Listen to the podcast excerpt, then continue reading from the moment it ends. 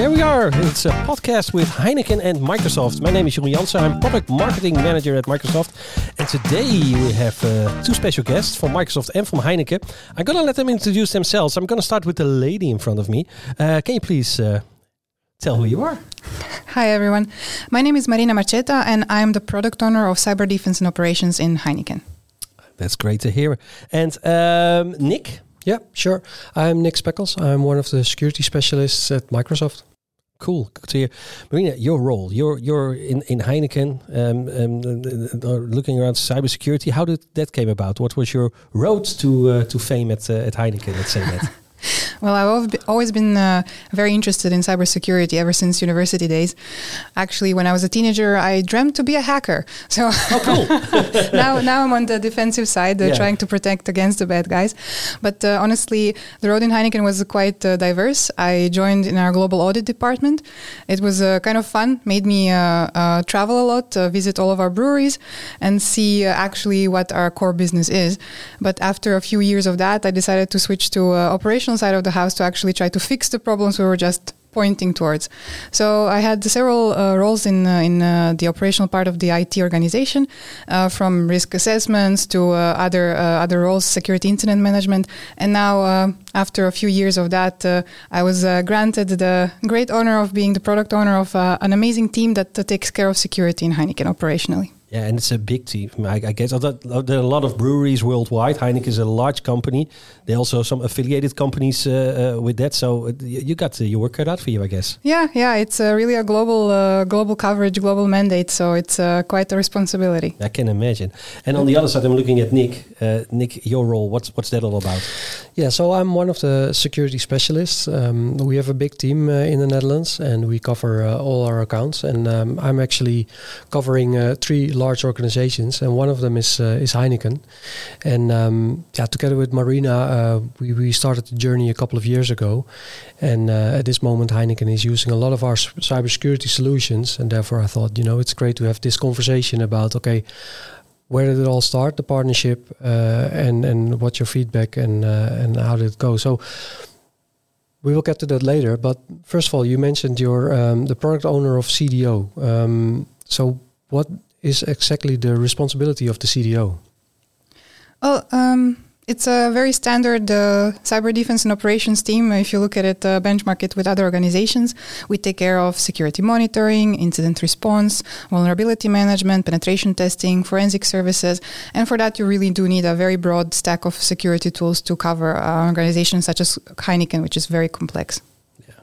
Yeah. And um, do, you do that only with your team or do you outsource stuff or um, for example you, you mentioned uh, the, the vulnerability management uh, and and your, um, your, your, the monitoring the incident monitoring is it something that you do with your team or do you work with partners well, uh, of course, we work with uh, a lot of uh, talented partners uh, that are uh, actually bringing a lot of value towards us.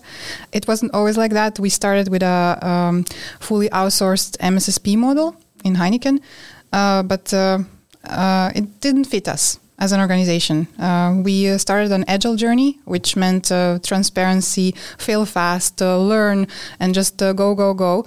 Uh, and that partner couldn't keep up with us. So we also saw that we needed to change a little bit our security model. And this is where we, re- we realized that some of the services, like commodity ones, can be outsourced to partners. And partly you need to build that capability in house. You need that knowledge to drive, drive the passion and the growth. So we have a hybrid model in Heineken. we work with a lot of core partners that provide us uh, uh, staff augmentation and support with uh, tooling. But we also have very good subject matter experts within the house that help us run things. Cool. So basically, you, you you work with with all these partners. It, it also needs like a trusting uh, uh, phase between you and the partner. So, uh, is there something? And uh, if you're not can can answer that, please please let me know. But is is there like a way that uh, you have uh, like your cybersecurity in place? do you also expect that from the partners you work with? So I can imagine that that must be a two way street. Yeah, indeed, it needs to be a mutual fit. Um, like there needs to be the willingness of the partner to also change and shift with us to keep pace with uh, whatever we're doing but also uh, to trust uh, that uh, whatever they're delivering towards us will be uh, up to par and secure so yeah definitely so, cool. so you're in the driver's seat when it comes to, for example, technology. Because from my experience, uh, I used to work for an, an, an MSSP uh, before I joined uh, Microsoft, and there we got sometimes a contract from a from a customer where they outsourced their cybersecurity to us, and then we as an MSSP decided, okay, then this technology might fit you best. So then it was the MSSP deciding what the technology uh, for the customer is we really decided that it's time for us to take the reign. So basically, Heineken owns the technology stack, and we made the choice of what we want to use. Uh, we define how we want to develop it and how we want to grow it. The partners are there to help us uh, do the, the work uh, for example, level one, level two, level three triage of, of incidents, uh, 24 7 operations. But we're the, there to define the uh, growth and the roadmap and what we want to use because that's the only thing that enables us to be flexible and uh, protect in, well, as fast as our business wants to grow. Yeah, and, and, you, you talk about partners. Microsoft is also one of the partners in, in this space. Um, about three years ago, you you choose to uh, you have chosen to, to to move into the Microsoft space on that. Uh, can you share some details on the process and the decision, and what were the key drivers of, of making the change and, and, and looking at how Microsoft would fit in into your cybersecurity defense? Yeah, it was uh, an unconventional journey, that one. Uh, we started our agile transformation in 2019, and after a few months uh, that we were in uh, uh, this new product of cyber defense and operations, we realized that our previous partner and the previous tooling that was uh, offered towards us is not a fit. Um, Heineken is a brewer, right? We're yeah. not a financial institution where uh, we need to adhere to a lot of uh, compliancy policies and uh, and regulators. So, as you might imagine, uh, the security uh, was not as strict. So, for us, we were looking at something that can be uh, flexible and grow as fast as we can grow uh, in our maturity level. And I think that's the, the main thing. People always tend to go to uh, the leader in the market, the best in the quadrant, uh, the top notch. But it n- doesn't necessarily need to be that. It needs to fit to your organization and your need. And at the moment, we were choosing actually Microsoft Sentinel and the security stack. Microsoft was, uh, uh, sorry, Sentinel was maybe two months uh, in a public preview or something. Yeah. So it was uh, not established, uh, not uh, not something that was considered as a front runner in in, uh, in SIEM solutions. So uh, we took a chance because we assessed it and we thought that it would fit best our current needs and maturity. And actually, it, it delivered more than we were expecting because it also grew a lot in the three years that uh, that we uh, we we are using it. Uh, there's a lot of investment coming from Microsoft, and now if you look at the quadrant, it's kind of up there with the the big boys. It's no longer a, a contester. So uh, it really um, you need to figure out what your requirements are and how best they fit your organization. Yeah, if, Nick, Nick, a question to you about that. Um, the, the product evolves, in this case on, Sentinel. Do you have a feeling that that customers like Heineken um, also make the product better? Is that uh, absolutely? Yeah. And and uh, when Marina was saying this, I, I, almost wanted to thank Heineken because in the journey we got so much feedback uh, from Heineken and yeah, in the beginning it was maybe even a bumpy road, but uh, but we are now where we are, and and and indeed, uh, Sentinel is seen as one of the mature SIEM SOAR players in the market, and it's due to customers like Heineken that give us feedback that hey, we don't like this, you need to improve this, or we stuck here, and our product group um, really picked up that uh, that feedback and uh, and improved the product. And we also made sure that there were some direct lines because I, I worked for smaller cybersecurity companies where if a customer had feedback, then it had to go between three, four, five layers before it actually reached the person that actually was building the product. But with Microsoft, we made sure that the people that actually built the product were directly in contact with Heineken, with me or, or our team as a mediator, to make sure that uh, the feedback from Heineken uh, reaches the right people and that the right message is being sent from the customer to the product group. And that's how we could uh, develop Sentinel to the way we are, uh, what the product is now. And we're still evolving. and we're still evolving. Yeah, yeah. yeah. Thank God for that. Yeah, yeah. absolutely. absolutely. And uh, don't get me wrong, like it was never uh, super smooth. It was uh, always a, a struggle, uh, but uh, always with uh, the right people around the table to discuss it. Even if we were frustrated, there was someone on the other side to listen to us. And not all of our requests and requirements were, of course, put in the backlog and straight away developed, but at least there was dialogue and we understood where we were. And definitely having these direct connects with the product teams really help us to understand what are the limitations, what we need to live with for now, and what's the roadmap, what's coming in uh, like two three months. We can uh, we can uh, be patient. Yeah, you're talking about the, the journey, and I'm very curious. Eh? You you were on on, on other platforms uh, before. Eh? You had, you are moving to a Microsoft platform. How was that also for your team? I can imagine that uh, the the new tooling and the stuff they needed to do. How was that? How how do they how do they cope with a change like that? Well, yeah, of course, there were uh, quite a few uh, hardcore security professionals there that were used to working with other tools. They yeah. were, uh, of course, a bit skeptical. But uh, there we also put a, a, nice test towards Microsoft. We developed uh, with them, uh, I think, almost week long trainings per specific tool where we said, okay, lead us now hand by hand and practical examples and let's let's do this. So we kind of made space and time and invested in in training our, our people. And and now they're one of the biggest advo- advocates of KQL and the Sentinel and the and the stack. So I think uh, we we kind of uh, achieved this goal. yeah, indeed, and I think also the partner, the uh, MSSP, the hybrid model that you just explained. Um, yeah, also is continuously working together with us um, and uh, also giving feedback on as an MSSP on okay how should Sentinel evolve so that a partner can serve the customer, Heineken in this case, uh, uh, the best way forward. And and we listened, and and uh, and I think now this this partner, and I think we can mention the partner as well. can we? Yeah, yeah. yeah. So Accenture yeah. is is delivering a great job, um, and we're in constant uh, contact with uh, with Accenture to make sure that uh, the service delivered to Heineken is up to par. Yeah.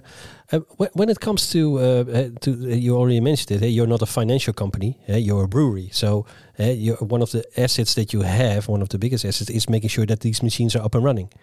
Um, if you look at um, because also for IoT perspective, there's some risk uh, involved uh, if it's connected to to a network.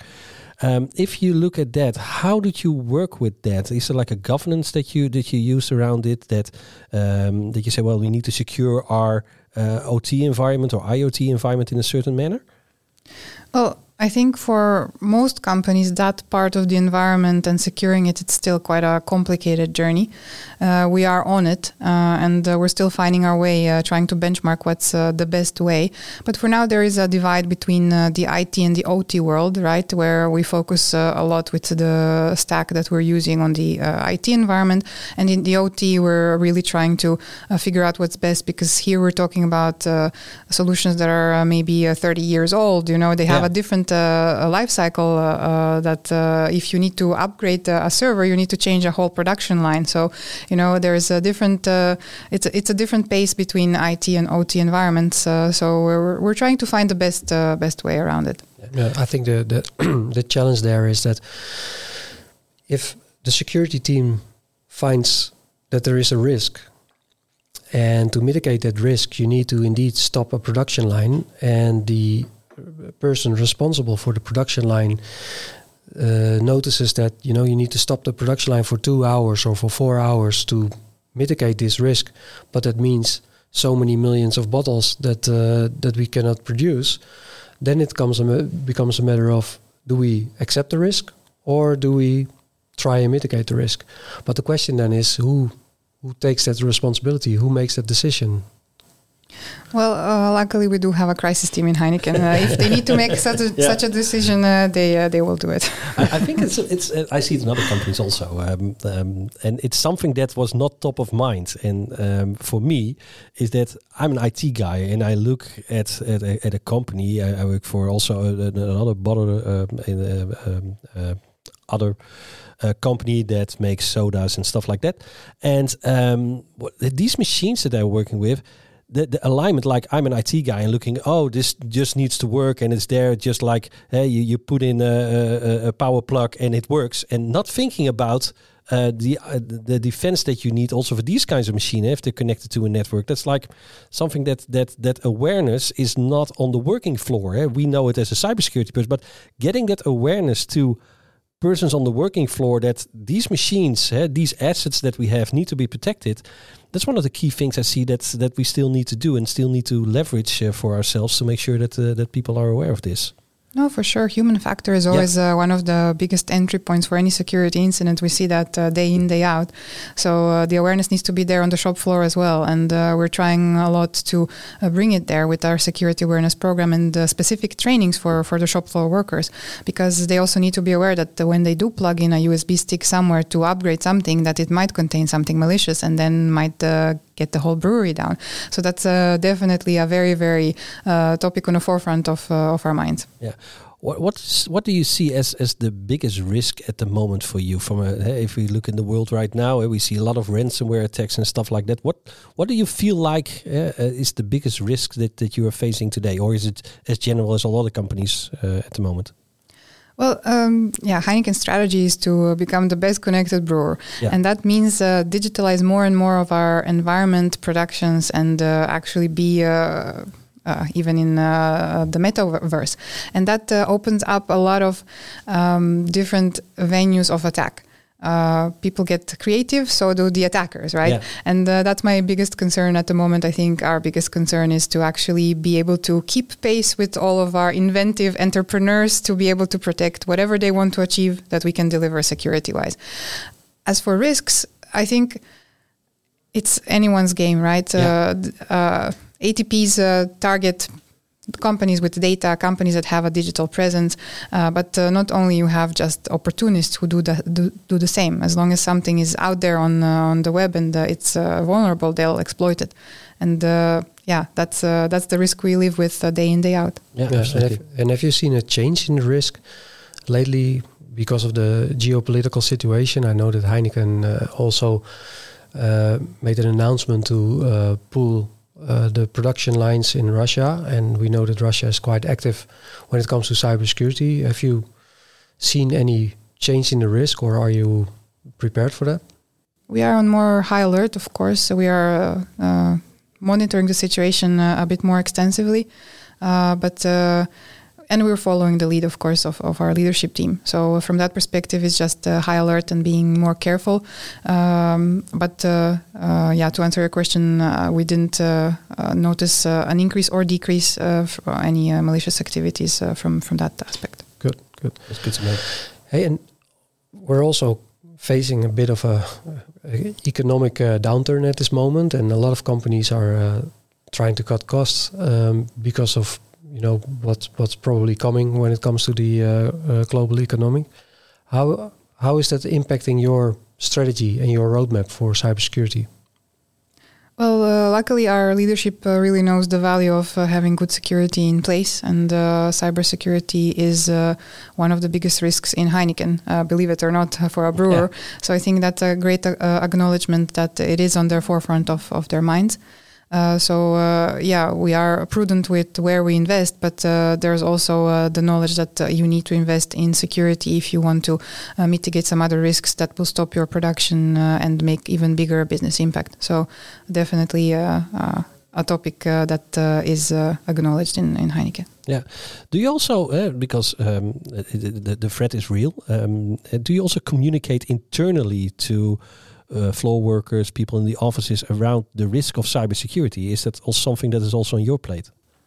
Uh, that's actually a part of uh, the Global Information Security Department, which CDO is part of. Mm -hmm. and uh, we have a very lovely colleague who is uh, leading the security awareness in in Heineken, definitely creating well profile uh, trainings for uh, uh, for colleagues.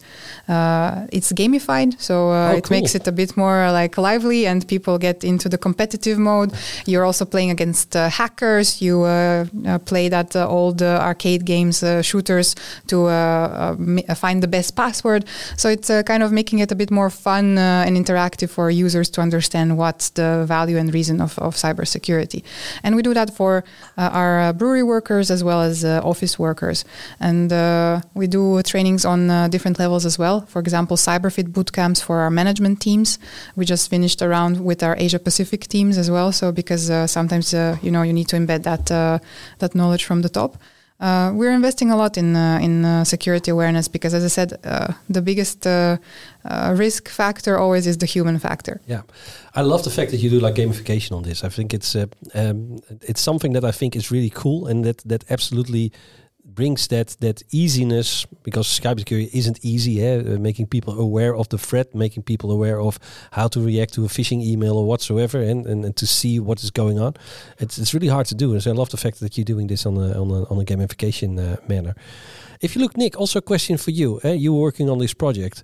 What what what was your learning from this project? Eh, what was uh, uh, you within Microsoft helping out at Heineken? What was your biggest learning uh, on this uh, uh, Yeah. roadmap? Yeah, I think what I mentioned earlier is the um, the listening and the feedback because it's essential for a good project. I'm uh, I'm in cybersecurity now for nearly 20 years, and at previous companies where I worked, we were drilled to, you know, sell a solution, and then after you uh, sold the solution, then uh, two and a half years later, make contact with the customer again because in half a year there's a renewal time and we need to sell a, a, a new contract, and those days are gone. I think for every company out there, you can't do a sell and then run away and then come back three years uh, later again to, to, to pick up a new contract. What we do with Heineken is we're continuously having the open conversation. Okay, what is the risk? What is your strategy? What is the strategy of Microsoft? Where are we growing? Where are you growing? What's the feedback? And we want to evolve. Uh, as you know, uh, Microsoft is, uh, uh, our CEO Satya uh, uh, announced that we're going to invest 20 billion for the next five years. So it's only in cybersecurity. Um, that's a big investment, but where to invest is coming from our customers. So we need to know and learn from our customers what what do you need, and let us help you become more, more secure. And that's I think the biggest learning. Listen to the customer, and uh, and make sure that uh, that the products group uh, product groups are listening. What was your biggest learning uh, for you? In this whole journey, Yeah, well, um, well, definitely patience. I'm not a very patient person.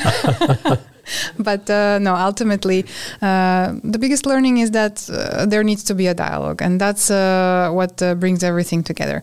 Uh, I'm sure Hi- uh, Microsoft was never perfectly happy with Heineken, and we were not always perfectly happy with Microsoft. it's like a marriage, right? It's like a marriage. You, yeah. you need to give and take, Yeah, right? And that, exactly. that was the thing. We needed to find uh, our, our way and build that uh, organization where we can actually uh, have these uh, give and takes, uh, does, these regular connects to actually give feedback on the spot, uh, give requests on the spot. So uh, it was a long uh, and difficult journey, but it was a, a journey worth taking, I think, in the end. Yeah, cool. Um, we're, we're almost at the end of this this podcast. Um, what would be your yeah, for other listeners who are uh, also uh, in the same role like the cyber operation uh, directors? Um, what would be the tip would you like to give to them? Figure out what fits for you. I think that's that, wa- that was the biggest learning for us, uh, and be brave enough to actually uh, take that step because uh, you will not uh, you will not fail. You will uh, do what's best for you and your company. You know best what's your maturity level, how fast can you change, and what what you need. And for that, uh, you just you need to know your functional requirements. And if I may add one more thing, Absolutely. If you have the chance, do visit the the Israel uh, Microsoft office. Uh, that was uh, one of the biggest revelations this year, and uh, I think we'll continue doing it uh, regularly to have that connect with the product teams who actually de- uh, develop the the security stacks with us and listen to our feedback straight away on some new features and just make that connect. I think that was the biggest plus of this year so far. Ah, Good to hear. And um, yeah, thank you uh, for being here, and also thank you, Nick, uh, for this uh, session. I hope you enjoyed this podcast, and hope to see you soon. Bye bye.